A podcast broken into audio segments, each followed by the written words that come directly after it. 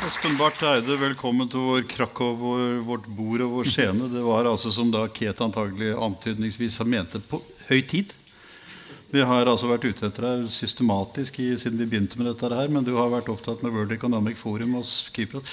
Um, er hyggelig å være tilbake. Er, er, det, er, det, er det ufint å spørre hvordan det gikk med det der Kypros-prosjektet? Nei, det gikk jo ikke bra, fordi at uh, vi hadde en prosess som var veldig lovende. Eh, særlig eh, i oppstarten. I mitt første år brukte jeg på å få dem til å snakke sammen igjen.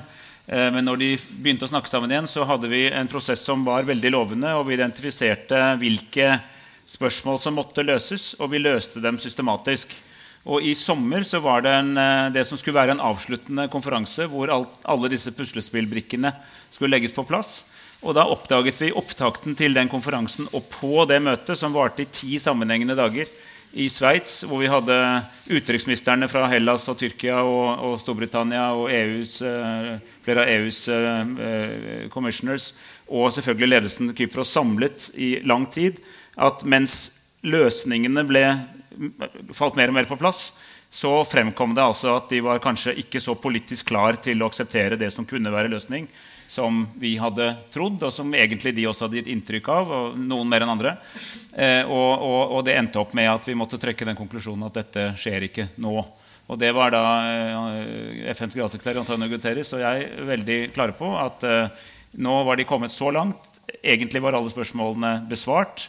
De var likevel ikke klare. Nå får de ha en refleksjonsperiode og tenke seg om de egentlig vil dette. Hva er det, hva er det da det butter mot til slutt? Altså, du sier politisk, men det høres jo mer ut som det er en eller annen form for ja, politisk nevrose i bunnen av dette. Ja, det er det. Det er, det, det, veldig mye, Dette har, li, det har relativt lite å gjøre med de materielle utestående spørsmålene. Fordi du hadde altså en verden som var ualminnelig klar eh, til å hjelpe dem med å løse dem. Økonomisk løfter om alt som skulle til av penger alle former for sikkerhetsstøtte som måtte trengs, var lovet av fra øst og vest. for å si det sånn, og Et samlet eh, sikkerhetsråd det var en av de ja, generalsekretærens utsendinger som kunne hvile meg på et, eller lene meg på rettere sagt, et, eh, et helt samlet sikkerhetsråd hele veien. Altså Russland, USA, eh, Kina, Frankrike, Storbritannia alle sammen mente at dette burde løses nå. Ehm, men to samfunn, altså Det som var et land, har da videreutviklet seg som to helt parallelle, forskjellige samfunn. Eh, eh, og eh, blitt relativt fornøyd med tingenes tilstand. mange av dem. Og litt for mange mennesker har en interesse i at ting ikke endrer seg. Så selv om man retorisk mener at dette skulle løses, så er man ikke helt klar for det når man ser hva det innebærer. Så er det klart Noen var mye mer klarere enn andre, men det er litt vanskelig å gå dypt inn i hvordan det var. Men, men, men det var en, en, litt sånn bitter opplevelse å se at man kom så langt. Men man klarte ikke den siste mila. Nå skal det være valg i sørlige delen av Kypros eh, i eh, februar. Eh, og det valget kan avgjøre om det blir mulig å starte på nytt. Men det er bred enighet om at akkurat nå skjer det ingenting. Nå har det jo vært et motsetningsforhold mellom Tyrkia og, og Hellas som har gjort at vi som har dekket Nato nokså kontinuerlig opp gjennom de siste 400 årene omtrent, har hatt ganske mye morsomt å skrive om. for å si Det ja. sånn. Det har vært altså noen ganske underlige konfrontasjoner, og det ligger jo åpenbart en dyp antagonisme mellom disse to nasjonene. altså Et emosjonelt aspekt i det hele. Har det spilt inn her? Ja, det har det. Men, eh, og det har spilt inn gjennom mange mange år. Mellom 100-årene og gjennom de siste tiårene så har det spilt inn. Men paradoksalt nok min, altså Jeg jobbet tett både mot Ankara og Aten og opplevde at selv om de hadde ulike forslag til løsning på de enkelte spørsmålene, så sa begge med troverdighet at det var i deres egen strategiske interesse å løse Kypros. Mm. Altså Ankara mente det, for det, ville, for det, kunne være en positiv dimensjon i deres forhold til Europa. Eh, og det kunne også bety eh, at det ble lettere å utnytte olje, eh, særlig gassreservene mm. i det østlige Middelhavet. Og Hellas mente også, altså særlig Statsminister Tsipras sa til meg gjentatte ganger for meg ville det være en strategisk suksess å få løst dette. Så jeg har da litt freidigvis sagt på øya at den egentlige grunnen til at det ikke løste seg, ligger på Kypros mm. og ikke i nabolandene. Fordi litt av deres egen verdens, fortelling om verden er at det er noen andre sin skyld. Og det har de ofte hatt rett i. For gjennom sin historie har det ofte vært noen andre sin skyld. Denne gangen var det nok mer eh, manglende evne til å utnytte det politiske momentum. Og det jeg var veldig bevisst på gjennom den prosessen, er at det åpner seg noen vinduer mm. i historien. på en måte. Det åpner seg noen muligheter som du må gripe mens de er der. Eh, og hvis ikke du griper dem, så blir de borte. Altså, Tysklands samling, eksempel, altså, Det er noen sånne ting som skjer eh, hvor du må ha politiske ledere som ser at nå skal jeg gå det siste stykket. Og Da må du ha eh, liksom, drive og guts og vilje og strategisk lederskap til å si at folkens, det blir ikke bedre enn dette her. Og det hadde de nesten. Altså nesten, nesten, nesten. nesten hjelper altså ingen mann på hesten, for å si det sånn. Og jeg mener, vil- vil du prøve dette her igjen? Altså, jeg mener, er vi Ja, så Akkurat nå er det behagelig å prøve å redde jordens klima isteden. Jo, jo, det skjønner jeg. jeg. det er altså, en det, vel så, er vel så overkommelig oppgave. kanskje sånn, ja. mer, mer ja, Mye enkelt, mye, mye Men, enklere. eh, men jeg har ikke prinsipielt tatt avstand fra Men det du sier med dette med å gripe, gripe åpne vinduer, si, eller stikke hodet ut eller inn av åpne vinduer på det riktige tidspunkt osv. Hvis du mener at en slik, opp, eh, slik anledning byr seg, at hvis det kommer et signal under dette valget osv., vil, vil det da være spennende å gy- gyve løs på det igjen? eller? Jeg kjenner alle aktørene. Jeg kan øh, feltet. Jeg har liksom godt kjent i nabolaget. Det, hvis de spør, så kan jeg sikkert gi noen råd. Mm. Men, eh, men jeg har altså på eget fritt ønske sagt at nå legger jeg det bak meg, og nå er jeg tilbake i norsk politikk. Er det paralleller mellom, mellom den, de holdningene du ser uttrykt i denne debattene på Kypros, og det vi ser ellers andre steder Ja. i Europa? Jeg tenker Catalonia. Jeg tenker det som i sin tid skjedde i eh, Skottland. Uh, Baskerland uh, osv. Altså en sterk eh, sånn følelsesmessig tendens til å ville bryte ut. Du nevnte dette her med at man sier alltid at det er andres skyld, og det er jo for så vidt et historisk fenomen. Det er jo det man alltid har gjort. Og det er jo det nasjonalstaten alltid har gjort. De har altså blamet andre omgivelsene, og så har de lukket grensene. ikke sant? Og det er jo en tendens vi ser nå. Ser du paralleller? Ja, altså eh, For det første det er to ting å si om det. Det ene er at to situasjoner er ikke like. Så Hvis man sier at dette er akkurat som, så er det gjerne feil. For det er, ingenting er akkurat som noe annet. Og det er bare en sånn disclaimer. To ting er forskjellige. Samtidig er det noen gjennomgående trekk. Og det er at, det at eh, du kan si, I veldig mange kulturer, samfunn, politiske systemer, landområder, regioner, hva du måtte kalle det, så ligger det eh, liksom, elementer som kan stimulere til splittelse, og elementer som kan stimulere til samarbeid og samhold. Og i ulike perioder så kan politiske krefter man, liksom, spille på den ene eller andre eh, kraften. Spania har jo altså, da, da Franco, altså Franco døde i 75, i de få årene etter det så kom man fram til en grunnlov som var etter mitt syn en veldig klok grunnlov i 1978, eh, som ivaretok i grosso modo da, ivaretok spenningen mellom sentrum og periferi i Spania. Og så har man videreutviklet det. Da klarte eh, mildt nasjonalistiske krefter i eh, Catalonia å samarbeide med en sentralregjering som skjønte at dette måtte være et mindre sentralistisk Spania enn det Franco hadde vært. Mm. og dette gikk i gen mange generasjoner. Og altså jeg studerte der i min, eh, i min studietid, og veldig mange av oss som studerte, og senere har også som akademikere fulgt dette, så på Spania som en vellykket altså La transition ble brukt som det er veldig mange eh, mellomfagsoppgaver som er skrevet om den spanske transisjonen som et godt eksempel på at det går an å få til en sånn overgang. Men så har du de siste årene har disse andre kreftene om at eh, vi har det bedre for oss selv, eller ikke sant, i Catalonia, eller la oss trekke all makten tilbake til Madrid, blusset opp på begge sider. Og det har da vært liksom den verst tenkelige kombinasjonen av feil instinkt, etter mitt subjektive syn, liksom feil instinkter på begge sider. Og de har spilt opp til hverandre. Og, og, og det er litt sånn, det, opp, det opplevde jeg også på Kypros, at man blir på en måte en slags Og tidligere jobbet med Balkan. Du blir en slags refleksjon av den andre. Ikke sant? Altså den, hvis den andre blir uh, lite tolerant og lite eh, eh, villig til dialog, så blir du altså ikke mer tolerant og villig til dialog. Men du ja. svar, svarer med samme språk, Ja. men med motsatt fortegn. på en måte. Ja, Ja. Men eh, har det spilt en rolle at Spania var et av de fire landene som nærmest meldte seg konkurs for EU-kommisjonen i, eh, i tidlig i 2010? Det, det, Og, og måtte foreta de samme Ja, eh, austerity measures, altså kutte ned på budsjettene? det, to det er to forklaringer. Det ene er, og de henger selvfølgelig sammen, det ene er at Uh, hele sørbeltet, ikke sant? det som uh, altså Pigslandene, som de kaller det, som Portugal, Svalia, Italia, Irland. Spania og, og Hellas, og selvfølgelig Irland litt før, eh, var gjennom en fryktelig alvorlig økonomisk krise som gjorde at en rekke mennesker mistet fotfestet. Folk i middelklassen som hadde jobb og hus og bil og, og vanlig familieliv, plutselig sto på gata, bokstavelig talt. Og det skapte selvfølgelig mye uro. Så ble det rullet opp en rekke svære korrupsjonssaker. fordi årene før hadde det vært en byggeboom uten like.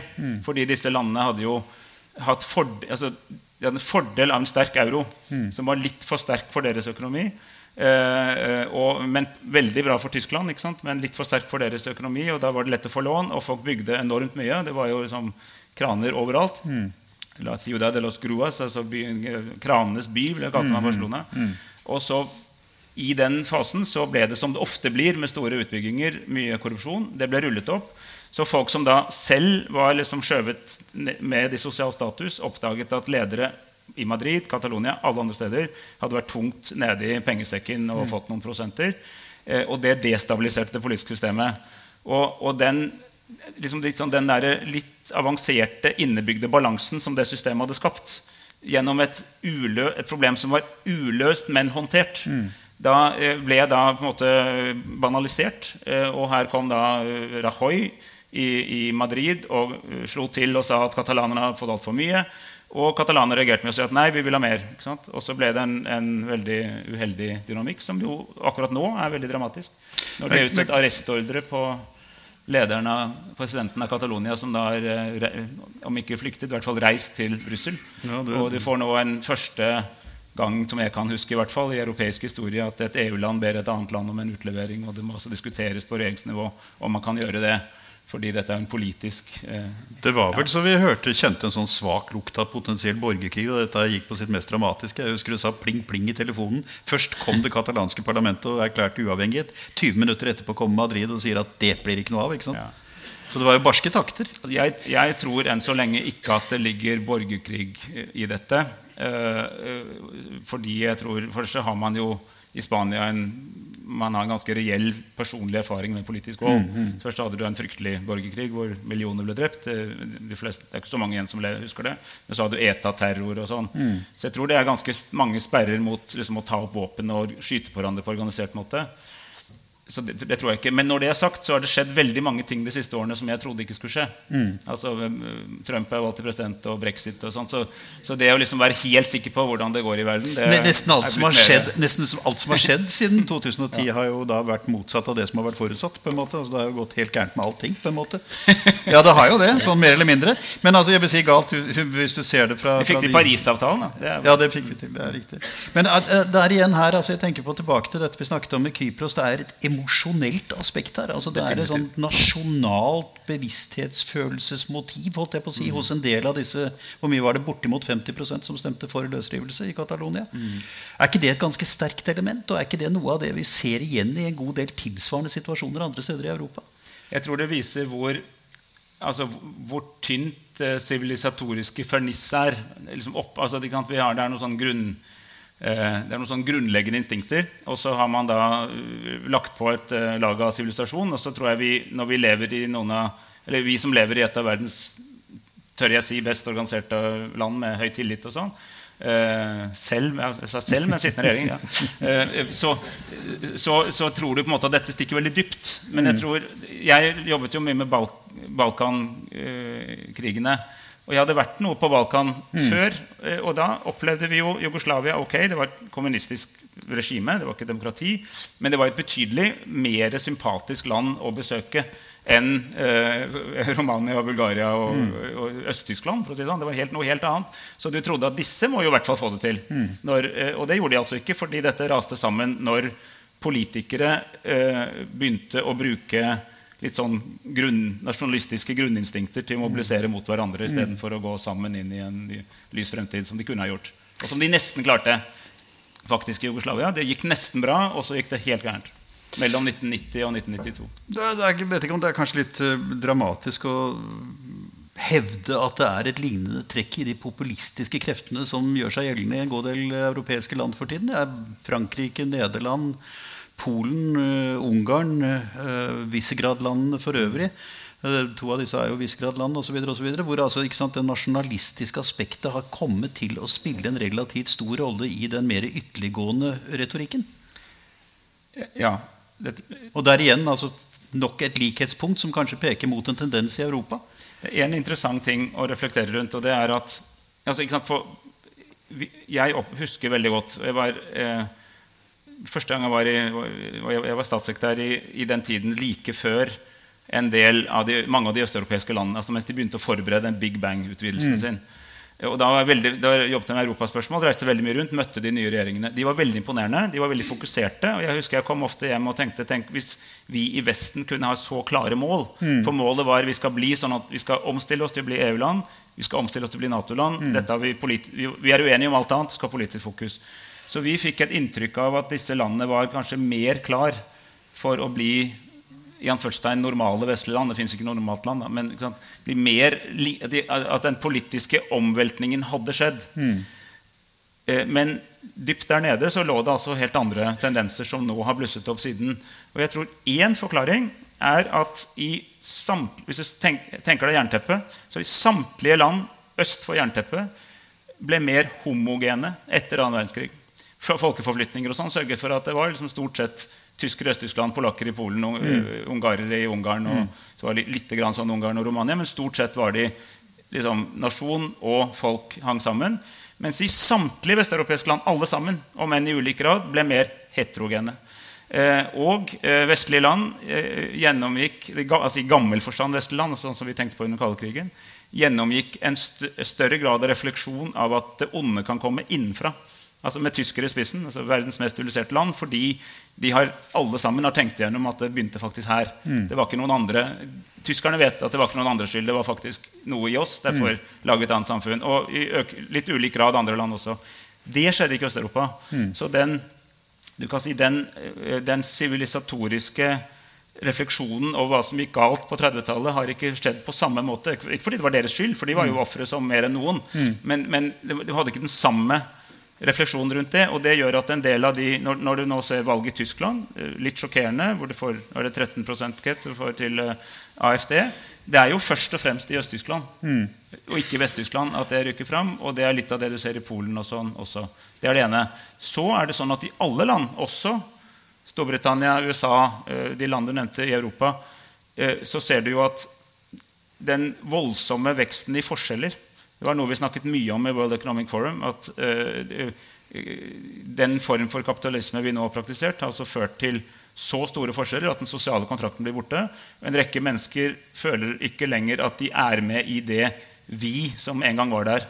Og da reagerer man med et slags lengsel til en tid hvor ting var enklere. Uh, og uh, det er en forestilling om et, en fortid som ikke egentlig var der. Men det er en idealisert fortid som man hadde lengter tilbake til. De mange av dem skal ikke skjære alle over en kam, men mange av de stemmer for brexit og for Trump. Fordi de tror at med det så blir ting mer som det var. Det gjør det jo ikke. Det er jo interessant at dette var jo akkurat innholdet i advarslene da Thatcherismen begynte å gjøre seg gjeldende tidlig på 1980-tallet. Reaganomics kom. Milton Friedman føk frem og tilbake mellom Washington DC og London og tenkte tanker for de to ledende politikerne. og De produserte dette, mens akademikerne satt i bakgrunnen og sa at dette kommer til å skape større skjevheter. Og det kommer til å føre til at finansnæringen i større og større grad får diktere sine egne premisser. Altså at politikeren da på en måte mister grepet. Og det er jo altså faktisk det som har skjedd. Da. Men har da EU sviktet sin oppgave? Eller er det det at EU er et organ for alle disse landene, slik at de politikerne som kommer og avgjør i fellesskap, er for opptatt av sine egne nasjonale anliggender? Altså jeg er dypt overbevist om at det går bedre i Europa fordi EU fins, enn om ikke EU hadde fins. Mm. altså, uten den sammenbindende kraften EU er, så hadde det vært, det hadde vært sentrifugale krefter vært mye sterkere. Jeg tror også mange, mange av de Nå har ikke det virket, da ser vi nå i, i Spania, men mange av de andre landene som kunne hatt den type oppløsningstendenser, har på mange måter lagt det litt på is fordi alle er med i Europa likevel. Så det er mye bra med det. Men jeg tror, jeg tror egentlig det er samme som jeg trodde i, på, tidlig på 90-tallet da jeg kjempet for norsk medlemskap. at Problemet er ikke at det er for mye EU, men for lite EU. Altså vi har, altså for er Euroen en god idé, men det er en dårlig idé å ikke da ha mer felles økonomisk politikk. Det er også en veldig dårlig idé av Tyskland og Frankrike å bryte konvergenskriteriene først som, som, de jo kunne takle, men som da legitimerte at søreuropeiske land og Irland også gjorde det. Så, så, det har vært eh, for lite disiplin til å være enig med sine egne regler. Og så har veldig mange politikere i EU-land eh, begrunnet upopulære tiltak med å si at Brussel har bestemt det. Mm. Og hvis du hører det hele tiden, så tenker du hvorfor skal vi ha det? Det er Brussel da som Det er andres skyld.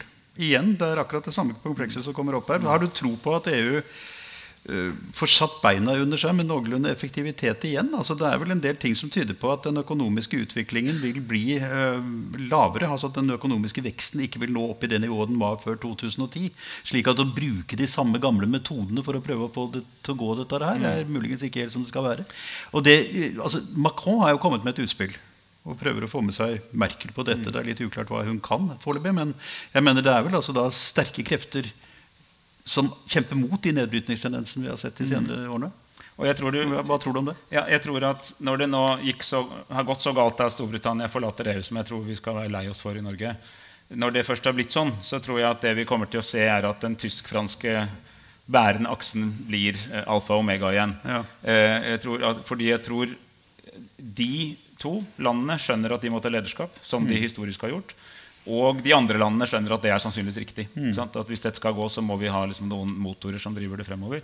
Og jeg, Nå får vi se akkurat hva, som, hva tyskerne faller ned på mens, i de forhandlingene de holder på med nå. Men eh, jeg, jeg tror på en måte også at brexit har vært en vekker, og Trump har vært en vekker, som faktisk kan vise seg å bidra til at eh, samholdet i EU styrkes. Fordi det liksom alternativet begynte å bli mer, mindre attraktivt. Ja, altså du, du, mener at, du mener å tro at, at de konstruktive at de kreftene som lå til grunnen for EU-samarbeidet i begynnelsen, Jeg i hvert fall de kan kunne rehabil, rehabiliteres og, og motvirke de oppbrytningstendensene du ser med Jeg er i hvert fall klar til å håpe på det til det motsatte er bevisst. Men, Ja, ja. men, men, Men det sånn men det må gjøres på en, nei, men det må gjøres på en annen måte. fordi den, det er ikke noe tvil om at i den tidlige fasen av EUs historie så var det jo relativt mye top down. Det var jo et elitedrevet prosjekt som Mm. hadde folkelig forankring for all del, i den forstand at store liksom, kristeligdemokrater, sosialdemokrater, liberale partier støttet opp om det massivt. Men det kom ovenfra og ned. Eh, Jeg tror du er nødt til å jobbe på en annen måte med, med forankringen i, i vår tid. Betyr det du sier Ja. jeg har lyst til å si at det er generelt, et problem som i hvert fall jeg har blitt mer og mer opptatt av Det er ikke noe, det er ikke noe ny tanke, akkurat, men, men, men det er at det, fra din bransje altså, med, altså Sammenbruddet av den medieverden vi kjente, er et veldig alvorlig problem. Altså, det, det kommer en dag hvor vi kommer til å savne Dagsrevyen. ja. Og, ikke, og Christian Borch, selvfølgelig. Men, i Dagsrevyen. Men, men, Men men, det, er, det, har, det har du allerede kunnet gjøre i tre år. Hvis du hadde villet. men, men det jeg mener med altså den, Alle lands Dagsrevyen fordi du hadde en nasjonal agenda. Så du hadde liksom noen få TV-kanaler, i vårt tilfelle én. eh, og de måtte se på Christian Borch.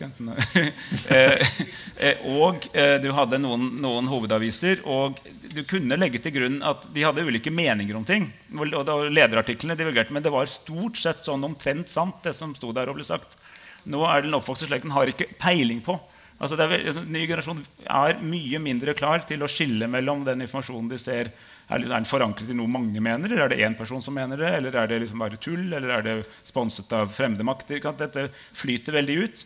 Og det skaper altså den tendensen som da kalles ekkokammeret. At folk eh, altså, Den gode nyheten er at med en sånn en, sånn en så kan alle mennesker i prinsippet kommunisere med alle andre og få tak i all mulig informasjon. Men det gjør vi ikke. Vi bruker den til å få forsterket det synet vi allerede hadde. Så vi blir enda mer sikre på at vi har rett. Eh, og i landsbyen det, altså det var liksom ikke gærninger nok i landsbyen til å lage en klubb. Men hvis du har sju milliarder kandidater, så er det ikke noe standpunkt som ikke er sprøtt nok til at det liksom blir en gruppe av det. når du kan kommunisere med alle sammen. Og det skaper altså det, det er kanskje demokratisk, men det er veldig sånn oppløsende. Ja, altså? Det sprøhetssyndromet som du, som du skisserer her, i kombinasjon med vår visshet fra de siste fem årene om at alt går annerledes enn vi har trodd, eh, gjør det at vi kan trekke den konklusjonen at vi er på vei inn i et politisk paradigmeskifte, hvor det blir helt nødvendig for, for de som på en måte skal ta ansvaret for ledelsen, å tenke i nye baner. Uh, kanskje bryte med en god del av de uh, ideologiene som har båret liksom, utviklingen frem i hele etterkrigstiden, og finne andre måter å tenke på. Som, altså jeg, kan, jeg må da svare som sosialdemokrat. for Det, det er veldig, det er veldig abstrakt. Jeg er klar over det. Eh, og det er vel hvis jeg, som andre vil svare annerledes. Men det er, for, for min politiske bevegelse så er svaret at de verdiene om fellesskap og, og samhold og, og, og likhet og inkludering de er ikke blitt noe dårligere. Men måten du realiserer dem på, må tilpasses en helt annen økonomisk, politisk, sosial virkelighet. Men, men det var, Sånn du, må, du, må ta, liksom, du må ta med deg et verdisett som er utviklet eh, og jeg mener det kunne, Hvis du var liberal, kunne du si det samme. Sant? Mm. Den liberale verdien er like bra, men de må møte en ny verden. Eh, og, og, um, for jeg tror det ligger mye verdifullt i menneskelig erfaring. Det er ikke sånn at ting liksom er blitt irrelevante fordi de var tenkt for 100 år siden. Men den verden vi er på vei inn i, ser så uendelig mye mer annerledes ut enn enn den verden vi kom fra. F.eks. er det nå en, en fjerde industriell revolusjon som gjør at teknologiske gjennombrudd på mange områder møtes nå slik at altså de, dagens unge mennesker kommer, eh, hvis de får jobb, kommer til å jobbe med jobber som ingen har hørt om. Mm. Eh, og, og, hvis de utdanner seg til en jobb som noen har hørt om, så utdanner seg selvfølgelig feil. Eh, fordi, fordi liksom alt vil forandres. Det er. Eh, og, det, og, sannsynligvis vil de etter en vellykket arbeidskarriere ha jobbet mange steder. Ja. Eh, i, I selskaper som kom og gikk. Og det, det, eh, det, tror jeg krever enda mer av en offentlig sektor som sørger for liksom, myke overganger og fange opp folk i, liksom, i vanskelige tider. Og, og sånn. Eh, men det krever også at man fra offentlige myndigheters side skjønner hvor revolusjonerende den endringen er. Og den store frykten for å gå tilbake til dette med populisme er at mange altså, kombiner det med forskjell og utenforskap, så vil det være veldig lett å si at alt var bedre før, eller alt var bedre før de andre kom. Altså, enten det er muslimer eller jøder eller uh, greske piloter, tyrkiske piloter eller, eller, hvem som helst. Og på en måte si at, og, og, og bygge på denne nostalgien da, som dessverre har fått litt for mye litt for mye vind i seilene. selv om det er forståelig. Altså Følelsen av forskjeller i samfunnet, følelsen av å bli utelatt i den store beslutningsprosess osv. er mm. følelsesspørsmål. Det er emosjoner som på et eller annet sett og vis må bli møtt. Og det møtte man jo bl.a. ved å appellere til en eh, kollektiv ansvarsfølelse, en slags sosial solidaritetsprinsipp.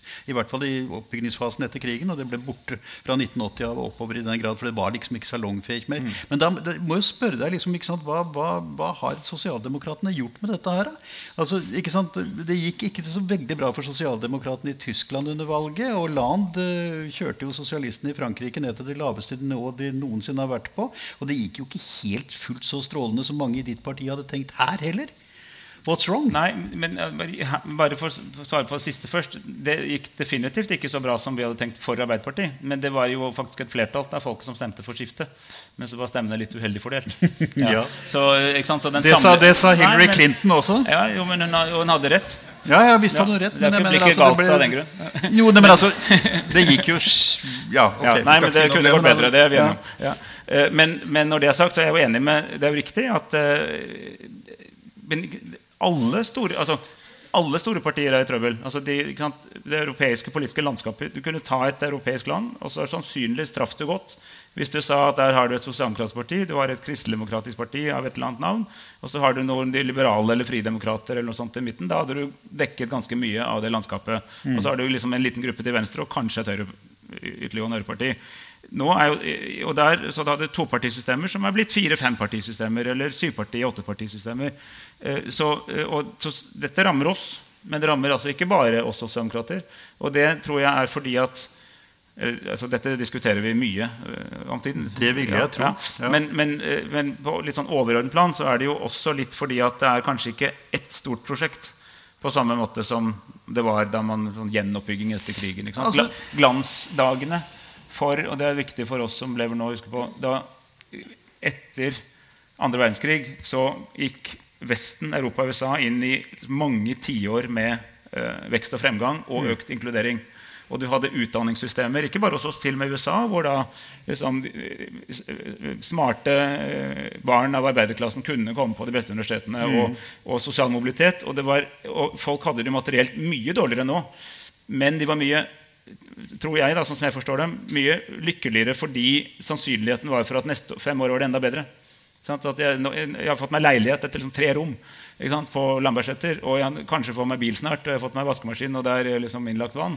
Eh, som det ikke var der jeg kom fra. Og dette, den følelsen av framgang, da, eh, materiell, sosial fremgang, altså både det emosjonelle og det mm. fysiske, Eh, skapte da stabilitet politisk. Og så liksom gikk det noen ganger så styrte høyresiden sånn mildt mot høyre. høyre, noen ganger til mildt mot venstre. Men, men, det var et prosjekt. Det prosjektet er ikke så lett å få øye på nå. Nei, men altså, Du hadde jo den situasjonen i etterkrigstiden at uh, høyresiden og sosialdemokratene jo snakket stygt om hverandre når de kunne i det offentlige rom, men de spente seg jo fast under samme åk fordi de så at samfunnet var urettferdig, og at noe måtte ja. gjøres for å rette opp igjen. Og den situasjonen er der jo for så vidt ikke mer, fordi man fikk det til. Altså Revolusjonen ble gjennomført. Men mitt spørsmål går jo da på hva jo, men, Nei, altså den ble gjennomført, men så altså, Sosial ulikhet øker jo igjen. Altså, jo, jo, nå. ikke sant? For nå er det gått gærent igjen. Du, du, beveget dem, altså Industrisamfunnet skapte muligheter for arbeidsplasser for såpass mange.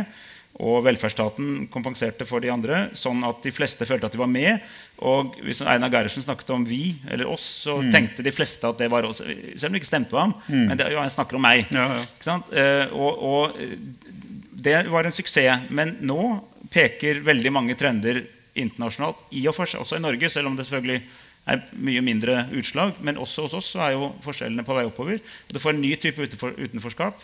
Og den er annerledes organisert. Så de som jobber i industri, LO-organiserte industriarbeidere, har det ganske bra. Mm. De som, eh, altså, Innvandrere som vasker bil på et uregulert sånn, eh, bilvaskeri, har det ikke veldig bra mm. i arbeidslivet. Og ingen tar seg ordentlig vare på dem, så du får nye utenforskap. Ja, men det Er det jeg mener, altså, er ikke det da på tide å gå bort fra den modellen for sosialdemokrati som ble skapt bl.a. av Tony Blair på 19, av midten av 1990-tallet, da han altså setter bom for 18 års sammenhengende thatcherisme med et rent reklameformulert Arbeiderparti? Hvor altså reklamefolk satt og formulerte prinsippene og ideologien. Det ble veldig plysj, det ble veldig dominert av medierådgivere. Det ble veldig markedstilpasset, for å si det sånn, og det har jo ikke gått så bra. Men Jeremy Corbyn får det jo til. Og ja. han er jo altså som om han var fra, fra, ganske langt tilbake i tid, for å si det sånn. ja, altså Han ble jo erklært som uh, completely unelectable, og så vant han nesten valget. Ja.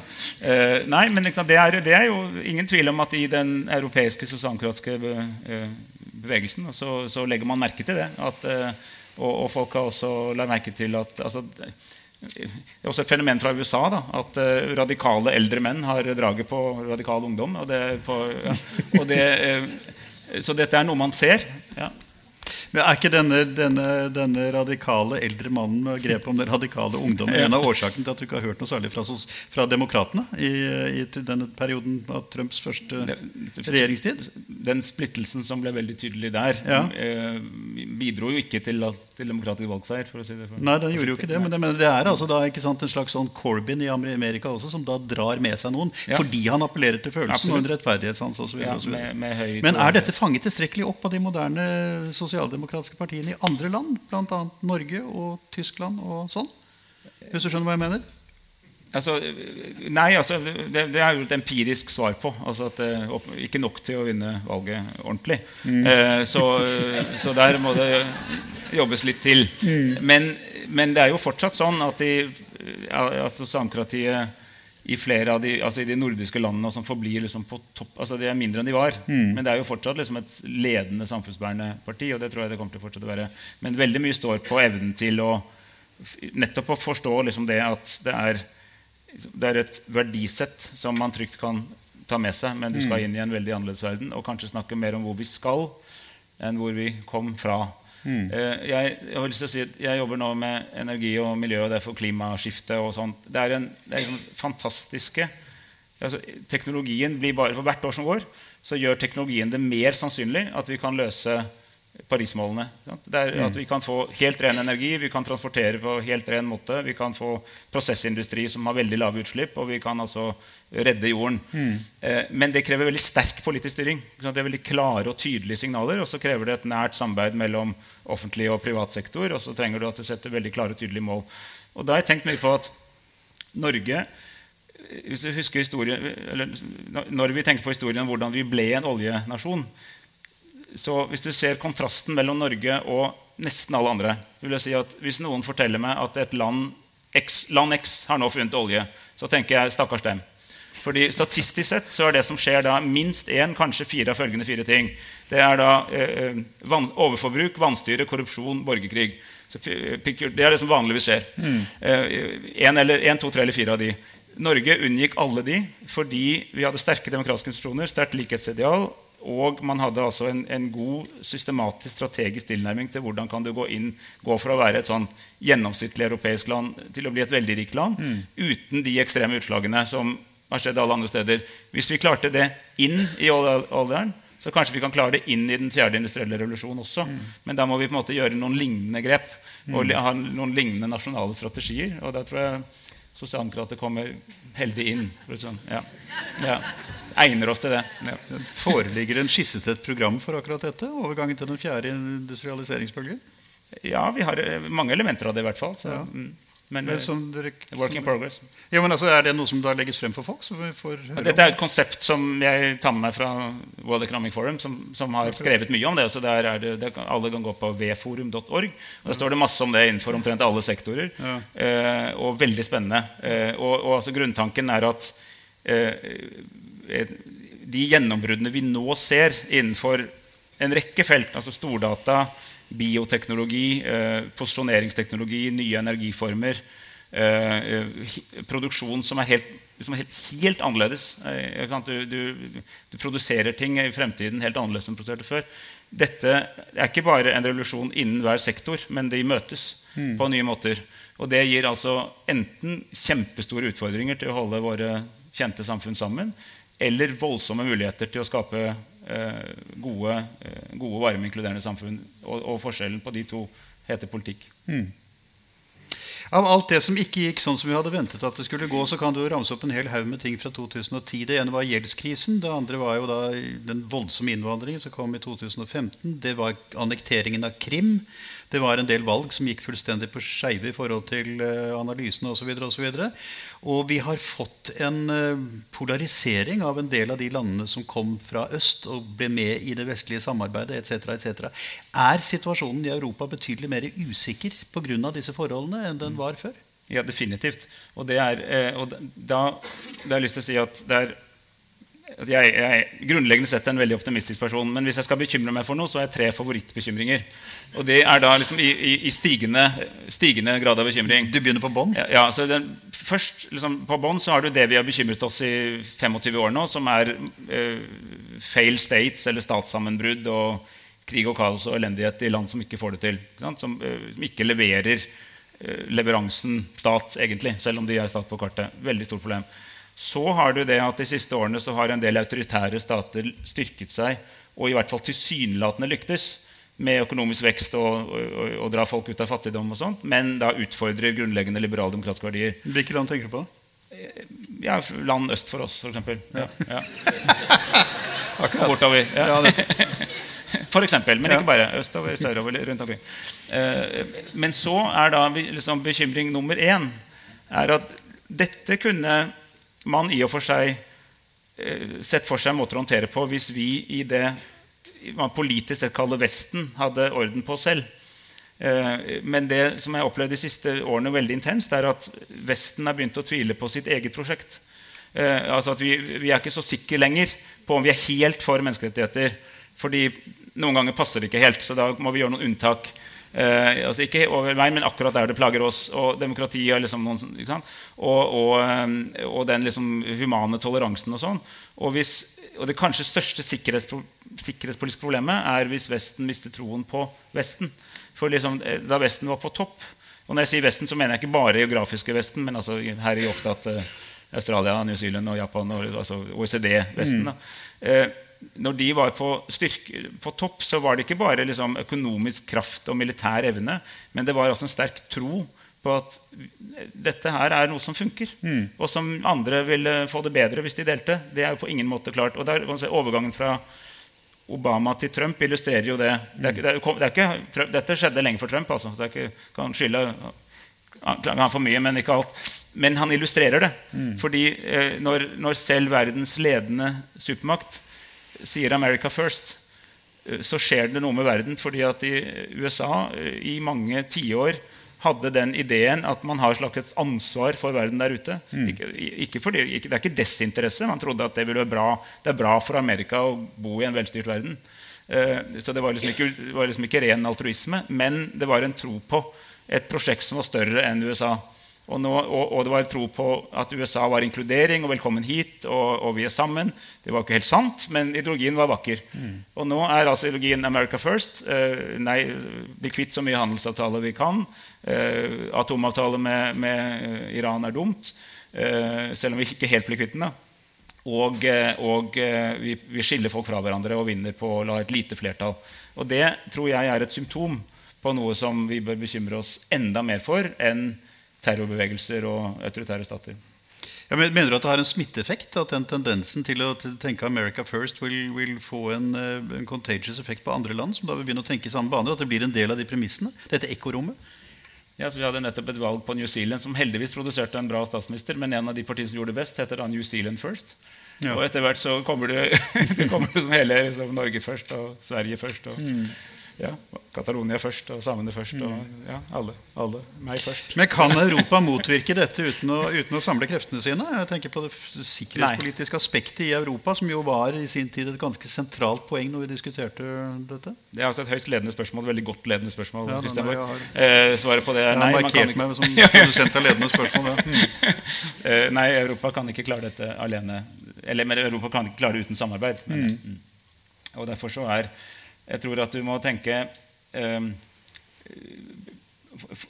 For Norge nå så blir Brussel viktig. Altså, ikke hovedstaden i Belgia, i for seg, men altså Brussel som Europas hovedstad. Og Berlin blir veldig viktig, og liksom det nordiske fellesskapet blir viktig. Og, og, jeg tror det er veldig viktig å skjønne at liksom den, den, de politiske institusjonene med kraft mm. som står opp for en, global, for en organisert verden, Eh, en multilateral verden med liksom noen, noen, kjøreregler som du først skriver ned, og så følger dem etterpå. Det er i stor grad Europa. Men interessant nok, en annen kandidat er Kina. Mm.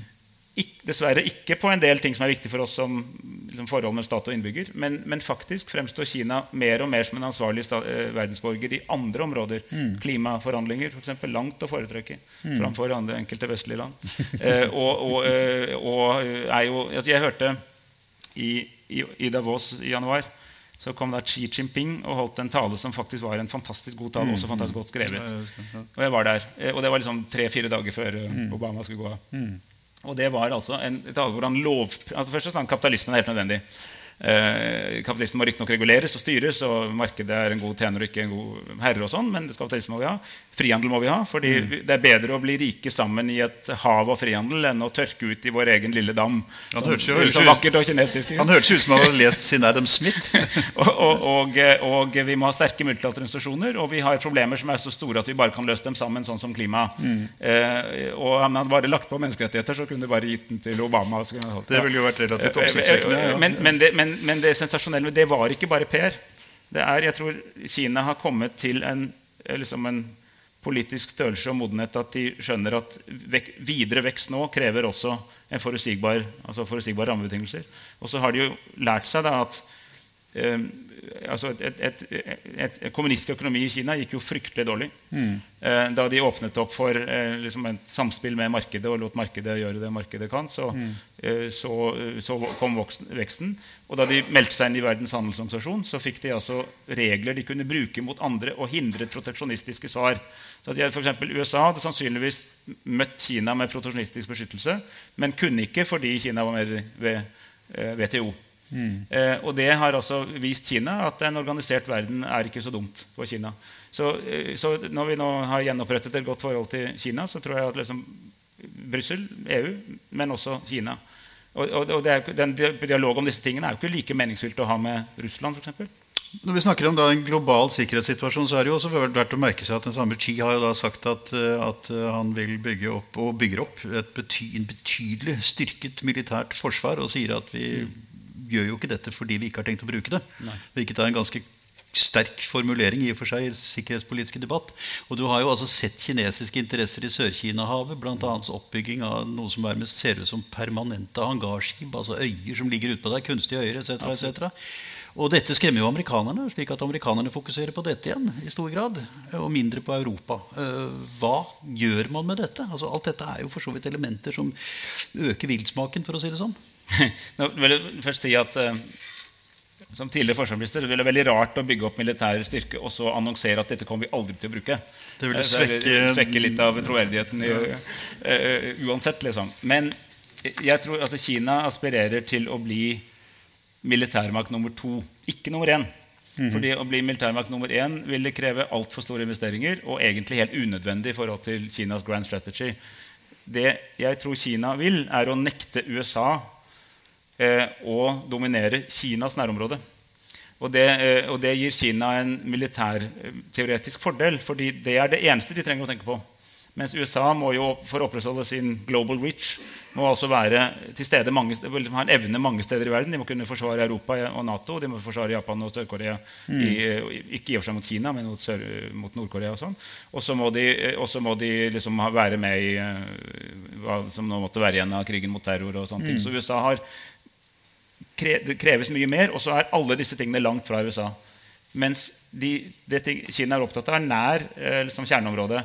Så, så Derfor bygger de opp en asymmetrisk militærmakt. Eh, for mye, altså mye vekt på undervannsbåter, på en romteknologi og sånt, som da egentlig er der for å nekte USAs dominans i Kinas nærområder.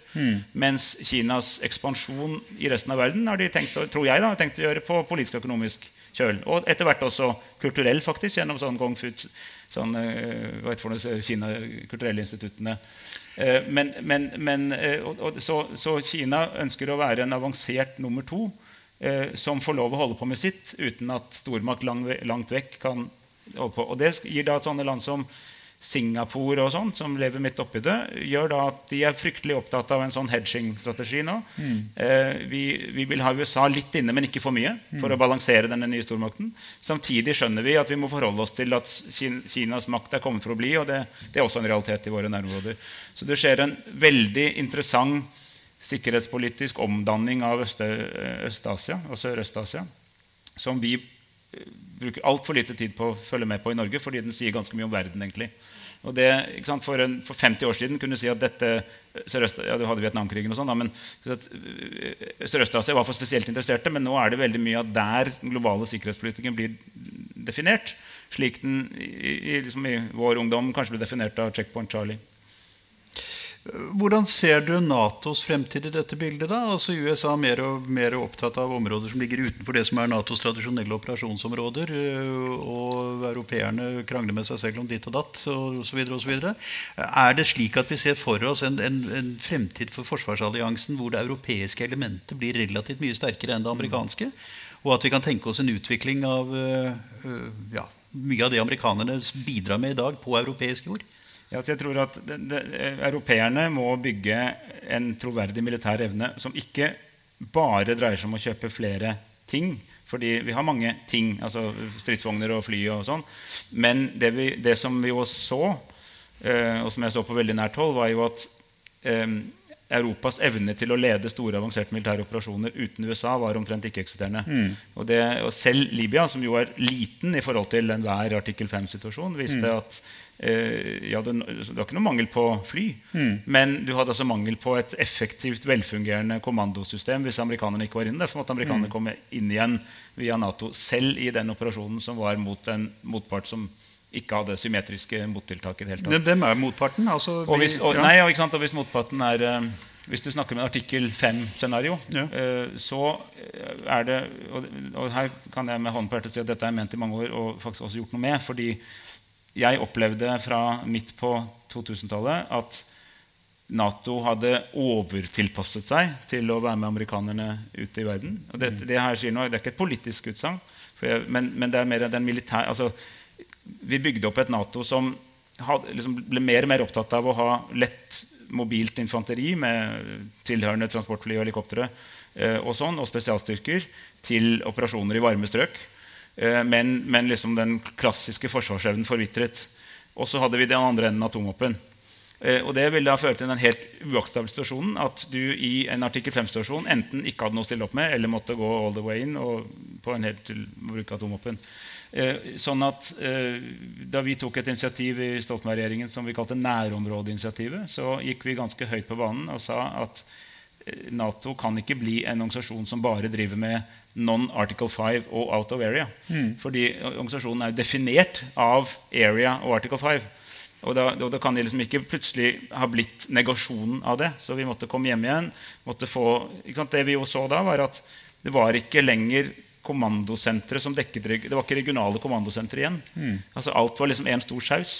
Mm. Og så er det begynt å bli litt bedre. Og Nato har en veldig dyktig generalsekretær som er veldig opptatt av disse tingene. Mm. Eh, men det er et langt lerret å bleke. Og jeg tror det, det var en rapport som eh, såkalt Nato Secret, som betyr at bare relativt mange mennesker har sett den, eh, og, og, og, eh, og, som da, derfor også kom i avisen, og, som jo egentlig sa de tingene jeg sa nå. Ja. Ja, ja. Men altså, det, det, er jo et interessant poeng da, at svenskene jo har en forsvarspolitisk diskusjon nå som er veldig sterkt preget av endringene på russisk side. altså De initiativ som er vist med Krim, med intimideringen av Øst-Ukraina, og med en betydelig økning i fleksibiliteten, bl.a. med mellomdistansevåpen på veldig raskt mobile enheter osv. Altså en, en, en vesentlig sterkere slagkraft rent militært. Pluss da selvfølgelig en opptreden med politisk innblanding av en ganske spesiell karakter som har tatt mange by surprise. på en måte. Mm. Er det den situasjonen vi da i større grad bør finne samarbeidsformer til å matche? på en måte? Altså vise at dette kan vi slå tilbake hvis det skulle bli noe? Jeg tror at for, altså, Forsvars- og sikkerhetspolitisk hovedformål må alltid være å kunne være troverdig i, liksom, i forhold til de verste truslene. Mm. Eh, for hvis du er det, så kan du alltid gjøre andre ting. Og for det første så kan det bidra til at det verste ikke skjer. Mm. Men, men, men, har, men, hvis du har kapasitet der, så kan du nedskalere og gjøre andre ting. Men hvis du eller, for, altså Et konkret bilde på det er at um, du kan bruke både et mellomstort kystvaktskip og en fregatt til piratjakt. Mm. Men du kan ikke bruke et mellomstort kystvaktskip i liksom en krig mot en avansert fiende. Eh, så da bør du også holde deg med den type high end-kapasiteter, og du må ha et system for å bruke det. Eh, og det Uh, har faktisk vært en drivende kraft i mange av de anskaffelsene blant annet jeg har vært med på. i, mm. i norske, altså Vi har liksom valgt da, uh, å gå relativt high end og også utstyre dette med ordentlige våpensystemer. Har vi gått for langt i riktig retning av det high end? Det jo, altså, mye av diskusjonen går jo på at vi burde bruke mer penger på boots on the ground. som det heter. Jo, altså. men, men, jo, men altså, det er ikke, altså, For meg er Hæren med i high end. Altså, det er ikke bare fly og fregatter. Ah, sånn, okay. mm. Men altså, du må ha en evne til å være i det øvre spekteret. Mm. fordi den type konflikter er brutale, intense, kortvarige og strategisk avklaring kommer fort. Mm. Stikk i mots, motsatt av fredsvarende operasjoner eller fredsopprettende operasjoner, mm. som er uoversiktlig lang, langvarige, og hvor du må ha liksom, etterforsyning og sånn. Um, så, så, du må gjøre noen valg. Mm. Men, um, men, jeg mener at mange av de valgene vi har gjort, er relativt gode. Men det vi ikke er gode på, og det er ikke vi spesielt Norge, men, men vi og alle som ligner på oss, er å ta inn over oss at om vi kommer i en strategisk konflikt, så er det veldig usannsynlig at den begynner som et um, militært angrep i klassisk forstand. Altså det, er, det, er, ikke soldater og tanks over grensen eller innkommende raketter som vil være varsel på at noe skjer. Det vil være at du i flere dager, kanskje uker, har hatt en uoversiktlig situasjon hvor strømnettet er falt ut og kommet inn igjen. Eh, rundt omkring i landet hvor, eh, hvor, eh, telekommunikasjonen har vært delvis svekket, hvor du har begynt å lure på om de dataene du får på dine egne systemer, faktisk er dine egne data, mm. eller om de er manipulert, og hvor regjering og styringsorgan rett og slett er veldig forvirret, og, du, og, det først demrer for deg at dette kanskje er en villet handling, det er ikke bare liksom, solstorm eller strømbrudd, mm. eller noe sånt, mm. men det er, og, og, sånn at jeg tror vi trenger et sånt totalforsvar 2.0 altså totalforsvar for det 21. århundre. For vi er blitt ekstremt sårbare. Mm. At vi har en sårbarhet som, ikke, som, er fryktelig mye mer alvorlig enn det var for 100 eller 200 år siden. Pga. Mm. Av at vi er så avhengig av at det digitale samfunnet virker. Og vi rett og slett bokstavelig talt dør hvis det slutter å virke. For mm. da, de, da, fryser vi i hjel, eh, vi får ikke noe vann, eh, ingenting fungerer, eh, politiet kommer ikke fram. Det er, eh, det er, det er, vi er ekstremt avhengig av et høy superavansert samfunn.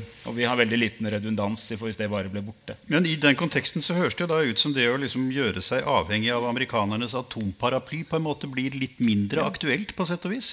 Eh, nå er det initiativ i FN for å få et generelt forbud mot atomvåpen. Hva sier Arbeiderpartiet om det? Nei, altså vi var jo med... Nobelprisen for det til og med. Ja, ja, altså vi, eh, I 2013 så vi, eh, tok vi det vi kalte et humanitært initiativ for mm. å få et nytt fokus på atomvåpen, vel vitende om at de tradisjonelle forhandlingene som jo hadde gått veldig bra rett etter den kalde krigens slutt, med start og sånn, mm. hadde stoppet opp, og det var en forvitring. Og eh, mange land fornyet sine atomvåpenarsenaler. Arsenalene er mye mindre enn de var, men de opprettholdes med nye våpen. og sånn. Og, eh, så da tok vi dette humanitære initiativet. det var ikke ment som begynnelsen på en forbudsprosess. Det var ment som en prosess for å bringe ny innsikt i verdens manglende evne til å håndtere en reell atomkrig. Mm. Og, og, og, at dette skulle da spille inn igjen i, i de systemene som tross alt er der, MPT osv. Eh, og nå er jeg da eh, biased og politisk, men da vi gikk av og det kom en ny regjering, så opplevde jeg da at eh, man, man, hoppet litt av det finkalibrerte lederskapet med å sørge for at dette var et humanitært initiativ, og, og trakk seg tilbake. Og da kom Østerrike og Mexico, og, og, og all ære til dem, Det de, var deres syn. Men at nei, nå går vi til å lage et forbud i FN. Mm. Eh, og det er klart at den, det er en sterk moralsk appell i det forbudet. Men det har jo det problemet ved seg at ingen atomvåpenmakter underskriver på det. Eh, og det har de heller ikke tenkt å gjøre. Og Det skal man ta litt alvorlig. Dette, er litt sånn, dette jeg sier nå er ganske viktig. Jeg, forventer ikke folk er enig, men det er viktig å skjønne det. Eh, de landene som har atomvåpen, mener at atomvåpen er en del av, deres, altså det er en del av det som skaper den verdensorden vi har. Mm. Eh, og den verdensordenen eh, kan da få, siden det ikke fins noen syns det ikke fins noe um, overnasjonal regjering, på en måte, mm. er, så, så, skapes den av et slags maktspill mellom stormaktene.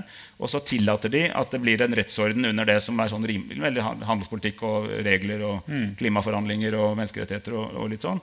Men, at, men, det systemet får liksom ikke lov å komme og fortelle atommaktene at det grunnleggende den, at den sikkerhetspolitiske basen er der. Jeg sier, er ikke, jeg sier ikke at det er riktig, men dette er en oppfatning som Russland, Kina og USA mm. deler.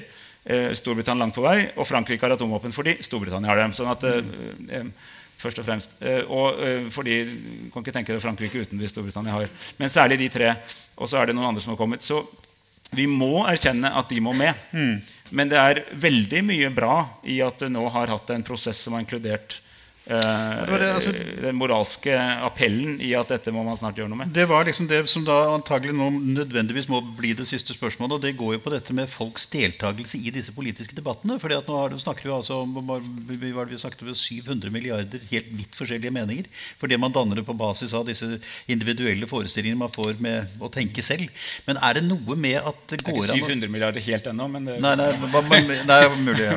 vi kommer, Jeg har alltid, alltid hatt litt problemer med budsjetter og tall. Og men mange, da. Ja, ja, mange, si Men poenget er i hvert fall det at, at eh, sant, vi har jo hatt dette her tiljublete konsensusprinsippet når det gjelder utenriks- og sikkerhetspolitikk ja. i Norge, som en del politikere antagelig med rette mener at har blokkert debatten. Mm. Og at du har ikke fått de innspillene som gjør at folk er engasjert. Mm. Er dette en utfordring? Ja, jeg mener det.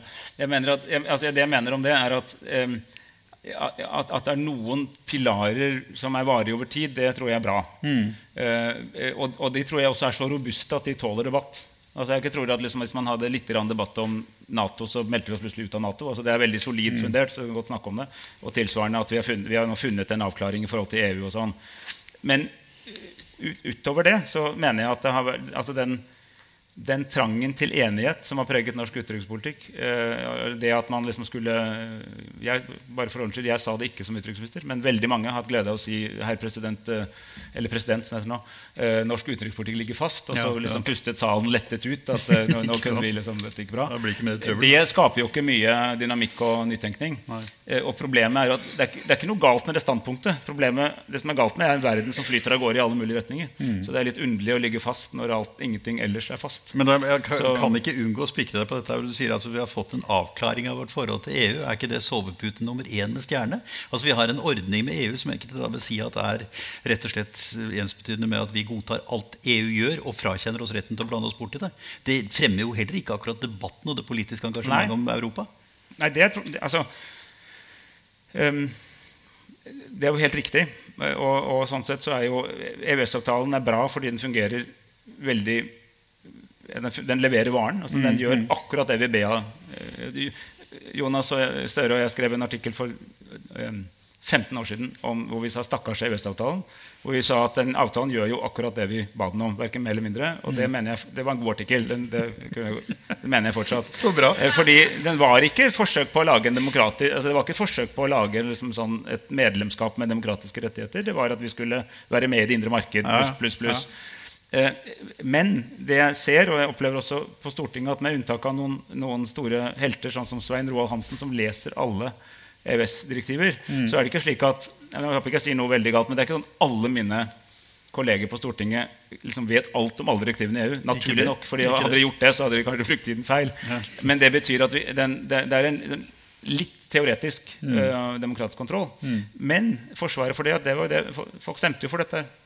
Fordi at da vi liksom var enige om å ikke bli med i eh, EU, Jo, jo, men eh, altså så var jo omtrent alle Noen eh, sosialdemokrater mot EU og Kristelig Folkeparti syntes dette var best. Ja. Og så vi som stemte ja til EU, dette var bedre enn ikke å være med i det hele tatt. Og, og de som stemte nei til EU, det var bedre enn medlemskap. Så stort sett alle er fornøyd. Men mitt poeng og mitt spørsmål var jo da om ikke dette fungerer som en sovepuse når det gjelder europadebatten. Altså, Vi diskuterer jo ikke dette lenger. Det er nok et poeng. Ja. Men eh, Da, mine damer og herrer, er vi klokken sover slagen. godt der, i hvert fall. Ja, ikke sant? Det var nettopp det. Takk skal du ha. Ja, tusen takk. Ja.